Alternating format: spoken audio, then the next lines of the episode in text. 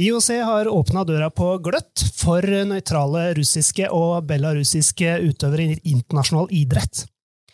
Det internasjonale skiforbundet gløtter også på døra, mens Norge sier tydelig nei. Det er det mange andre land og idrettsorganisasjoner som er uenige med å si. Hva er dilemmaene, og hvorfor er det sånn?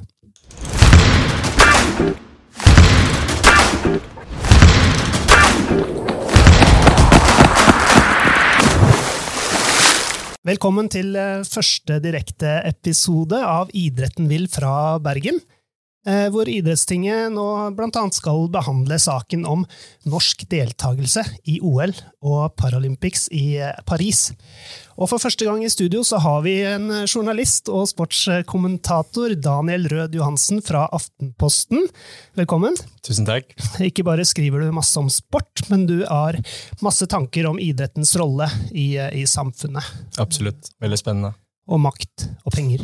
Ja, Idretten har jo en enorm betydning i samfunnet, men det betyr også at idretten har et veldig stort ansvar. Og man ser jo nå i veldig interessante debatter på mange områder der idrett og samfunn henger sammen. Så det er veldig, veldig spennende tider for eh, oss som er interessert i det. Det er det. Og vi har jo en annen i, studio også. Ja, vi har tillegg Anne Farseth, som er president i Friidrettsforbundet. Og du har ikke nettopp vært med på behandlingen, men det kommer. Vil det være en spennende behandling om eh, OL-saken? Hva tenker du?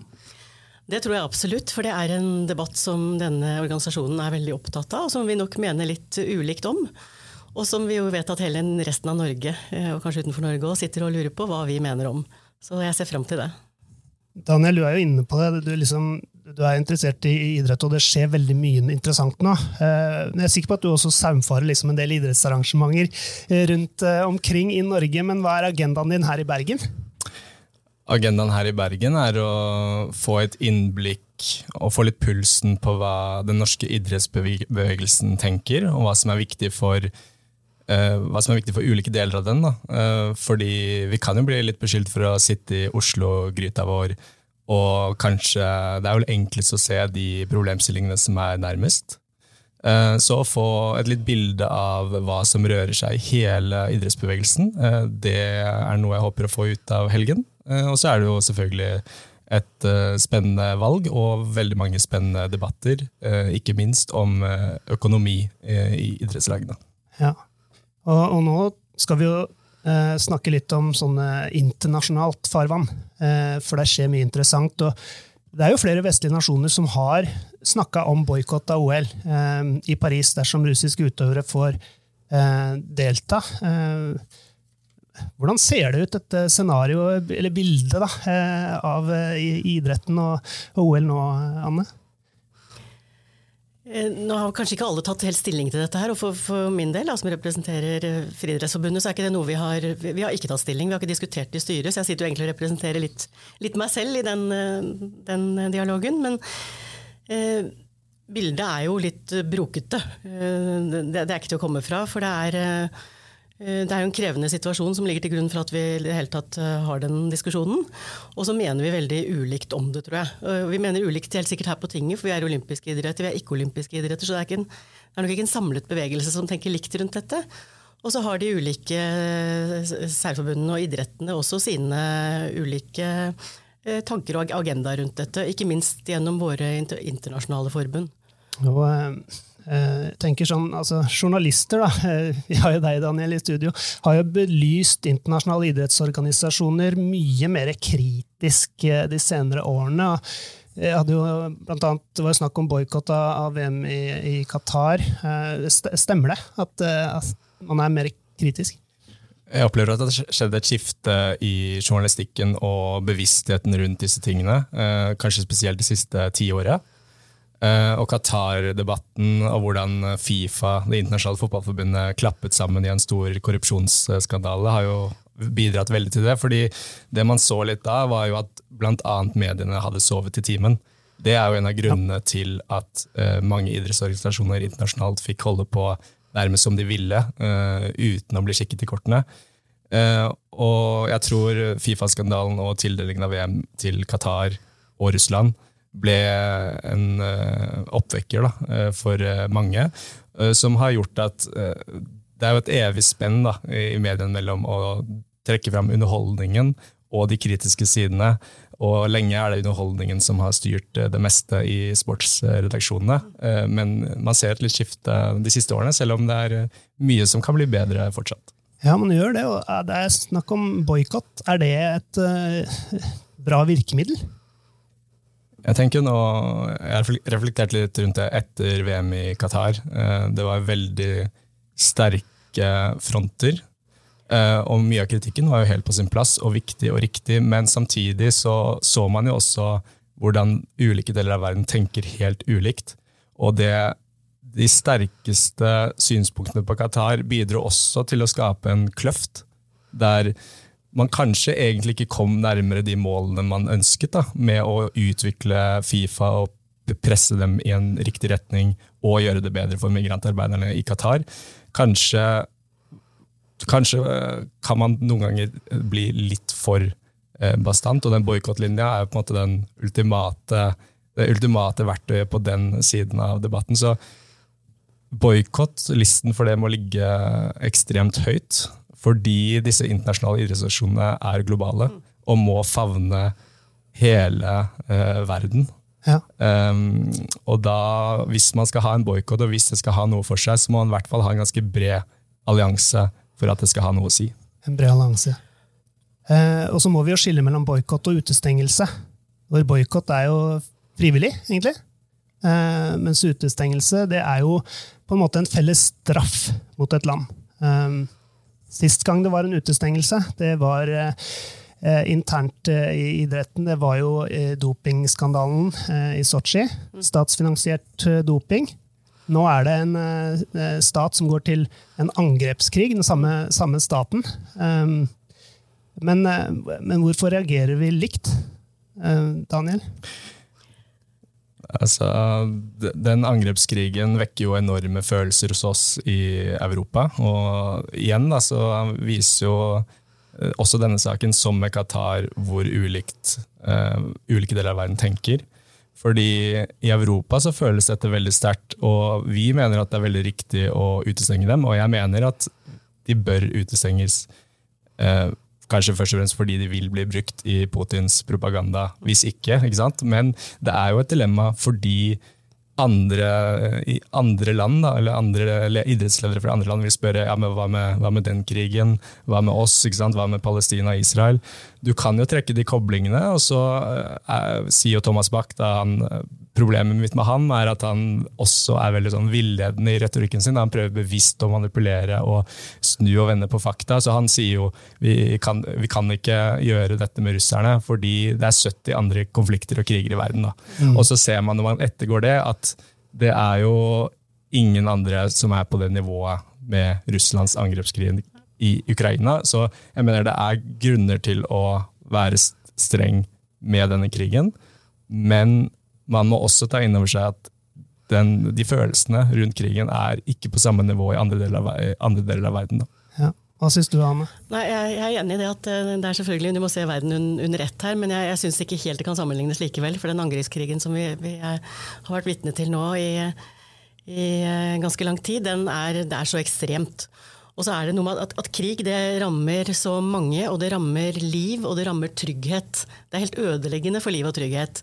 Mens uh, utestengelse det rammer også, men det koster ikke liv. Og det koster ikke den, den tryggheten på samme måte.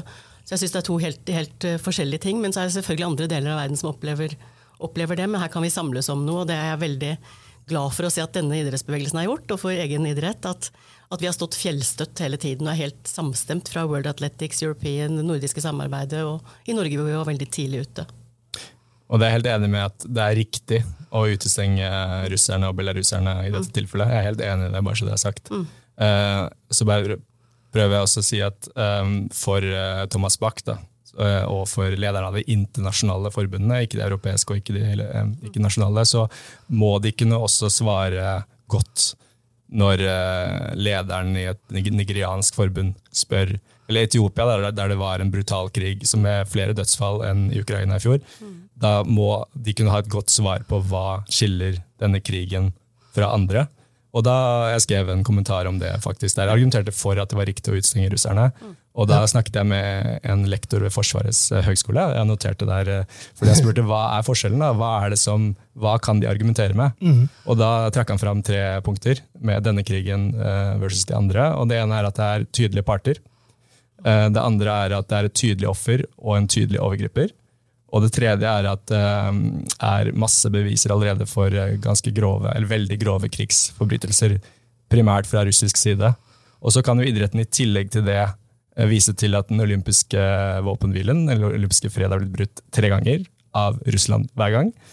I tillegg til den dopingsaken som, en, som allerede gjorde at eh, folk er veldig skeptiske, med god grunn, til Russland. Men betyr dette at idrett ikke kan opptre som normalt, som bare idrett? Altså, hvordan henger idrett og politikk sammen, Anne? Idrett og politikk det henger jo sammen. Det, det kan ikke løse det, det er helt sikkert. Selv om for utøverne, de, de skal slippe å måtte ta stilling. Det, noen ønsker å gjøre det, noen ønsker jo å uttale seg, noen gjør, gjør det ikke. Også for vi som er idrettspolitikere, vi er nødvendigvis nødt for å svare når vi blir spurt, og, og må ha en litt sånn offisiell mening om det. Men, men vi vet jo at idrett er, det har sterk symbolverdi. Eh, Det er noe statsledere i alle land liker å smykke seg med. De, de bruker jo idretten. Eh, Så, så hvis man tenker sant, eh, nøytrale utøvere, som, som er et begrep, så hvor nøytral kan man egentlig være når du blir hyllet når du kommer hjem hvis du har gjort det bra, når du blir brukt i, i reklame, når, når, du, når du kanskje også er, ja, har en finansieringsordning, en jobb, noe som er tett knyttet til, til det regimet du, du lever i eller kommer, kommer fra. Så idretten er definitivt eh, politisk og, og avhengig av politikken. Ja. Eh, Daniel? Ja, og akkurat det, der peker du jo på hvorfor eh, det er nødvendig, dessverre, da, å utestenge russere og belarusere. Det er jo nettopp at de vil bli brukt. Så selv om man har disse nøytralitetsprinsippene, så vil de ikke være nøytrale. Fordi La oss si Bolsjunov, nå er jo han ansatt i militæret, da, men hvis den kontrakten hadde blitt løst opp og han får gå et VM eh, og vinne der, så kommer han jo til å komme tilbake på scenen i Moskva og bli hyllet eh, sånn som han ble etter eh, OL. Og det kan man ikke hindre med de reglene som IOC nå har foreslått. Da. Men hva, hva er kriteriene til IOC da, for nøytralitet? Det handler annet om at man ikke skal ha støttet krigen. Og da blir jo spørsmålet F.eks. for eksempel Bolsjunov på den scenen, var det frivillig? Er han under et press? Det er jo et dilemma. Eh, Det er at man ikke skal ha en kontrakt, eller contracted to, er det som står i regelverket, med militæret. Eh, Der vil jo mange langrennsløpere ryke. Eh, og så handler det om at ja, I tillegg til det så skal man ikke, um, ikke tillate med lag, og ikke tillate med nasjonale symboler, og Russland skal ikke nevnes, men vi så jo under dopingskandalen og straffen etter det at det var en ganske slapp straff der alle forsto at det var russere som sto på toppen av podiet. ja. Eh, så jeg tenker på at utestengelse, har jo også en symbolsk eh, kraft ved gjennom det å fortelle en historie. Eh, og idretten tar, tar stilling til noe. Akkurat som man fortalte historien om apartheidregimet i 64. Eh, tenker du også litt sånn også, Anne? Absolutt, og jeg tenker det er helt feil av oss å ikke agere. Når vi opplever noe som er så overgripende, sånn som vi har gjort nå, så hvis vi ikke skulle reagere på det, når skal vi da reagere?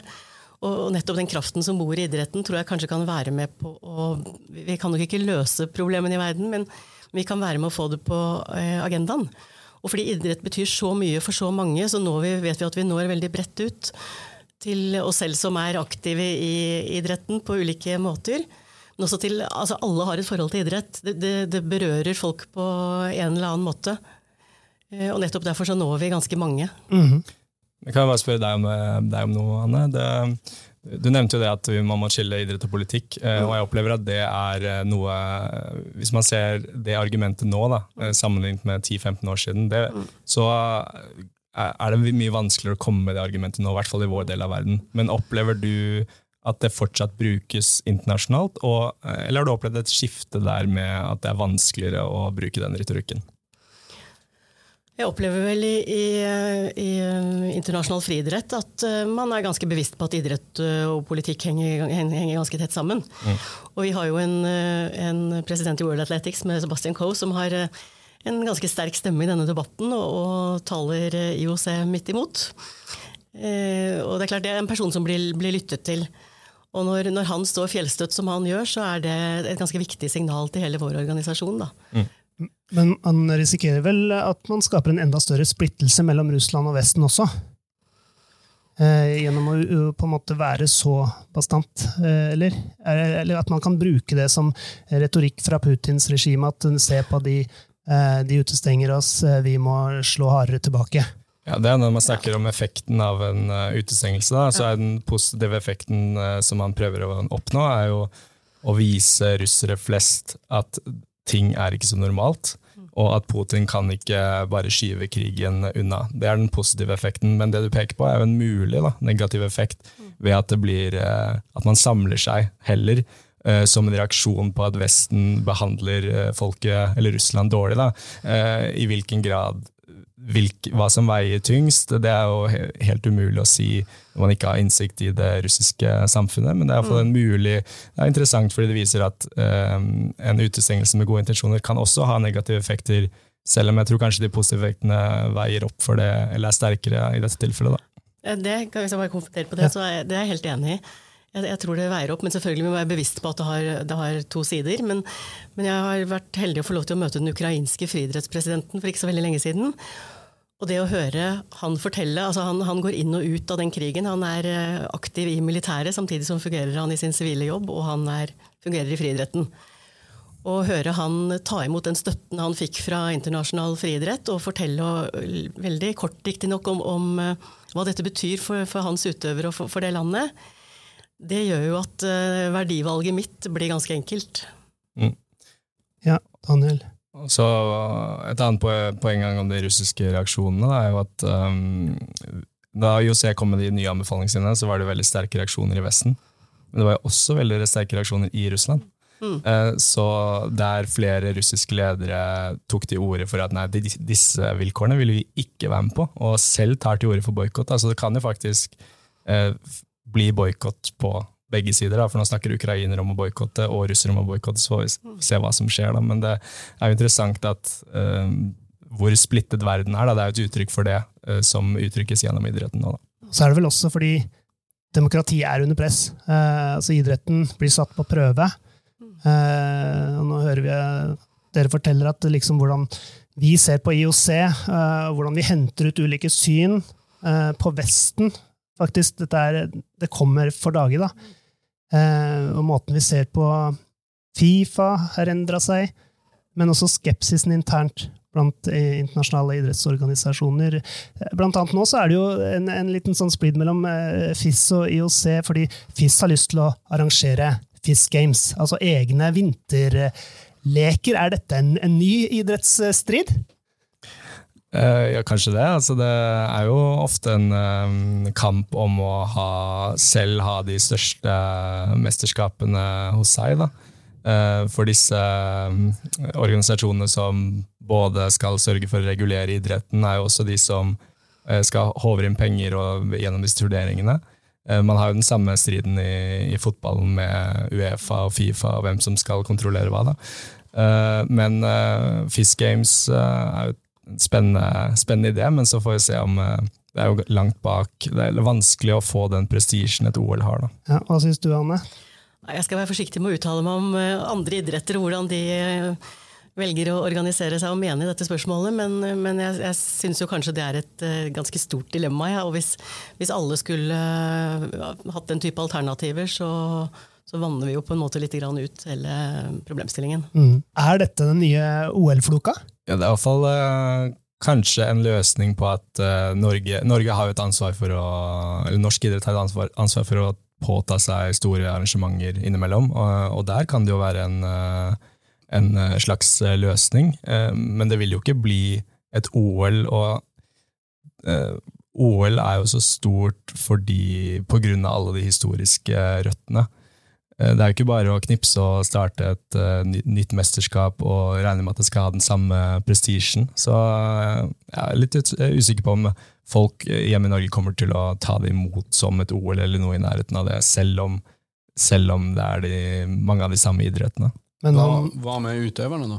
Altså, de har nå, Den store saken med OL er jo dels historiske røtter, men også at det kommer hvert fjerde år. Og så sier man ja, jeg må lykkes nå, for det er sjansen jeg har. Hvis dette blir det samme, det sto litt, samme prestisje, så vil det bli ok, jeg kan satse to år igjen. Absolutt. Eh, det er nok en nøkkel å ha det eh, kanskje hvert fjerde år, og ikke, ikke, for, ikke for hyppig. Da. Eh, men samtidig henger jo hva utøverne tenker på som viktig, henger jo sammen med hva opinionen tenker på som viktig, fordi det er da interessen kommer. Det er da markedsinntektene, da, altså sponsorpenger og TV-penger, kommer. Det er jo derfor også OL er så viktig for utøvere som ofte lever under fattigdomsgrensen til vanlig, så er jo OL den store muligheten til å faktisk tjene noe på idretten sin. Uh, og det er jo fordi folket Fordi det har en prestisje i folket. da, Så det henger jo sammen hva Utøverne kan ikke bare selv bestemme seg for hva som er viktig og prestisjetungt. Ja, de er også avhengig av at folket er enig i den vurderingen. Ja, det er spennende. Og, og sponsorene. Ja, For det er jo åpenbart at det vil ikke bli dobbelt så mye sponsorpenger, utan de må gå til den ene eller den andre. Det er neppe begge to, og da, hvis begge to, så blir det mindre til hver. Og Der, led, der leder jo IOC, og de har jo et veldig stort forsprang nettopp pga. den historien de har, og prestisjen som de allerede har i potten. Mm. Mm. Er det noe hold i påstanden om at eh, noen tar telefonen for å snakke om å avholde Fisk Games eh, i 2028 i Norge? De, Skiforbundet har vel sagt åpent at de er, har lyst til å ta, påta seg de første, det første, det første versjonen av arrangementet, så det kan godt være det. Og kan det jo være at politikerne, som vi snakket om med OL-floket, så kan det være at politikerne tenker at ja, kanskje Fisk Games uh, er en god løsning, da, fordi det kan jo ta veldig lang tid før opinionen er klar for en ny OL-debatt. Mm. altså, da blir det jo kanskje et stort arrangement annethvert år. Eh, og, og, ja, er det, er det sånn at medaljenes verdi eh, på en måte synker, eller er det som du sier, at OL har dette fundamentet som egentlig ikke er mulig å over, overgå? Man skal være forsiktig med å si hva som er umulig og ikke, men jeg tror, jeg tror ikke OLs verdi eller verdien på medaljene der vil synke med det første. i hvert fall. Jeg tror det er veldig langt fram dit, selv om selv om det kommer et nytt uh, mesterskapskonsept som kan være interessant for uh, utøverne. Men tror du det kan spre seg da, til andre idretter? At uh, nå vil ja, man, man, ser jo i mange idretter at det er en sånn kamp om å ha de viktigste og mest lukrative mesterskapene. I fotballen så er det jo ok, hvem skal styre? Er det Premier, engelske Premier League eh, skal ha sine turneringer? Skal det være viktigst? Og så har Uefa Champions League, og så har Fifa fotball-VM, da, men de forsøker jo å eh, lage et slags klubb-VM, og det er jo et forsøk på å spise seg litt inn på inntektene og turneringene som Uefa har. Så det spillet om makten mellom de ulike eh, organisasjonene, det ser man i flere idretter. Ja, og så prøver de jo å få eh, folk som deg og meg til å se på. Og, det er mange, mange muligheter, eh, fordi vi har så ulike interesser. Men sånn som verdien av et OL for, eh, for, for Norge og norsk idrett, hva tenker du om, om det? Det? Du sier at vi må avholde det innimellom? Norsk idrett har jo et ansvar, eller føler et ansvar for å avholde det innimellom. Men uh, det norske samfunnet kan jo si at uh, det er ikke vårt ansvar, fordi det krever jo noen milliarder i en statsgaranti. Da. Uh, og jeg tror man går inn i Nå var det jo helt feil timing fordi økonomien er som den er, men så er spørsmålet om økonomien vil bli bedre. Da, fordi det som skjer framover, eller de som, snakker med, de som har peiling på økonomi, snakker om alle ok, vi skal styrke Forsvaret. Vi går inn i en eh, eldrebølge med alle pengene vi må bruke på helsebudsjetter. Og Den type diskusjoner kommer til å prege samfunnet de neste tiåret og fram. Og da er spørsmålet kommer OL-diskusjonene til å passe inn i det også mm. framover. Um, men selvfølgelig, det kan eh, endre seg, og det kan komme bedre argumenter. Omdømmet til IOC kan endre seg, det tror jeg er viktig. Eh, men akkurat nå virker det litt langt fram til en ny OL-diskusjon. Mm virker litt langt fram. Eh, ja. den eh, omdømmet til IOC er jo mm, ikke all time low, kanskje. ja. Den er dårlig i alle fall, i hvert fall i Norge. Men du mener på tross for det, så er OL magisk for utøverne? Altså, jeg, jeg skulle kunne tenke at her har vi muligheten å ha et stort mesterskap på hjemmebane, og det er samfunnet med på. Eh, for, nesten fordi vi skal vise IOC at dere eh, skal, må rette opp eh, omdømmet deres òg, og skjerpe dere litt sånn. Eh, vi arrangerer Fish Fisk Games istedenfor, og Norge er en maktposisjon i, vinteridrett. Er ikke det et scenario som skulle kunne skje? Jo, med Fisk Games eh, så kan det jo skje. Eh, men eh, hvis argumentet blir at man skal arrangere OL for å vise hvordan IOC skal gjøre det, det er jo det man har sagt tidligere også. Det, det gir jo mening fra idrettens perspektiv, men jeg tror nok at folk flest og opinionen vil først se at IOC gjør tegn til endring. Og så har jo IOC masse reformer med disse mesterskapene og hvordan tildelingen skjer. Men de mesterskapene er jo de som kommer nå framover etter hvert. da. Så får man jo se om jeg tror eh, det norske folk har en litt sånn avventende holdning på IOC, og Russland-saken og deres standpunkt er, gjør det vanskeligere. Og så må man se først at IOC eh, faktisk er reformert. Mm. Før man har lyst til å ha OL her, da. Men Fisk Games, absolutt, det, det, tror jeg er et mulig scenario. Så hvis vi får Fisk Games, og vi har det, og plutselig så blir det For der vil det bli norske medaljer, og det kommer jo å skape en positiv følelse til Fisk Games òg, tenker jeg. Vi vinner der, og det kan vi arrangere, og vi kan delta og være med på det internasjonale arrangørskapet. da. Ja. ja. Hva er viktigst, da? Er det god reklame for uh, hver enkelt idrett, eller er det liksom det som er den norske idrettsmodellen, frivilligheten? Altså, OL i 94 var viktig fordi det kom på en tid hvor kommersielle treningssentre begynte å innta markedet. Mm. Eh, og, og, og, de er der fortsatt.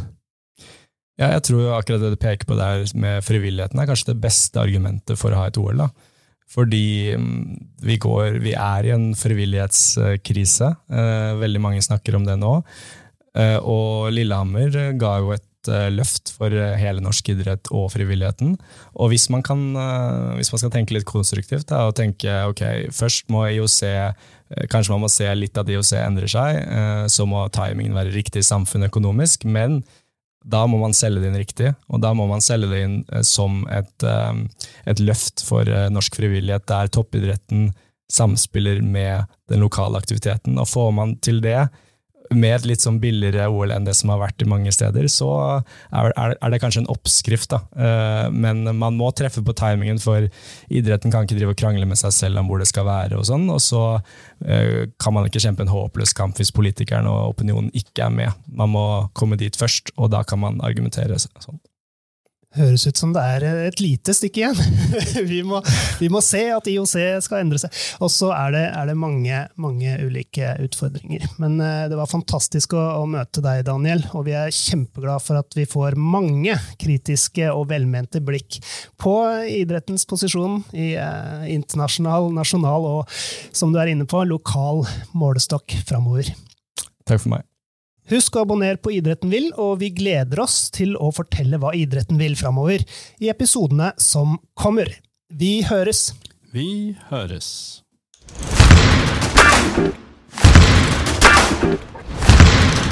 you